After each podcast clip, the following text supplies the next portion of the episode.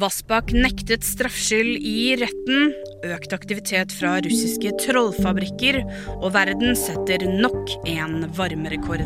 I dag startet rettssaken som kanskje kan avklare en av norgeshistoriens mest kjente drap.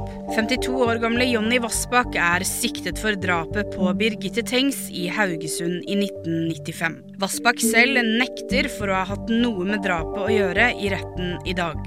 Journalist og forfatter Bjørn Olav Jahr er til stede i Haugesund.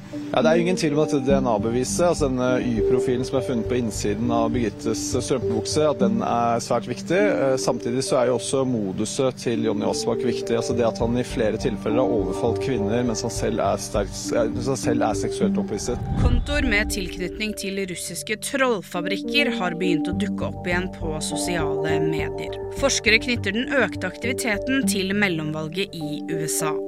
Kontoene deler ifølge forskere spesielt kritikk mot president Biden, USAs støtte til Ukraina og de demokratiske kandidatene som stiller til mellomvalget.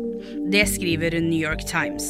I en rapport fra oktober så varslet FBI om at utenlandske aktører trolig ønsker å bruke desinformasjon til å påvirke mellomvalget. De siste åtte årene har vært de åtte varmeste som er målt noensinne.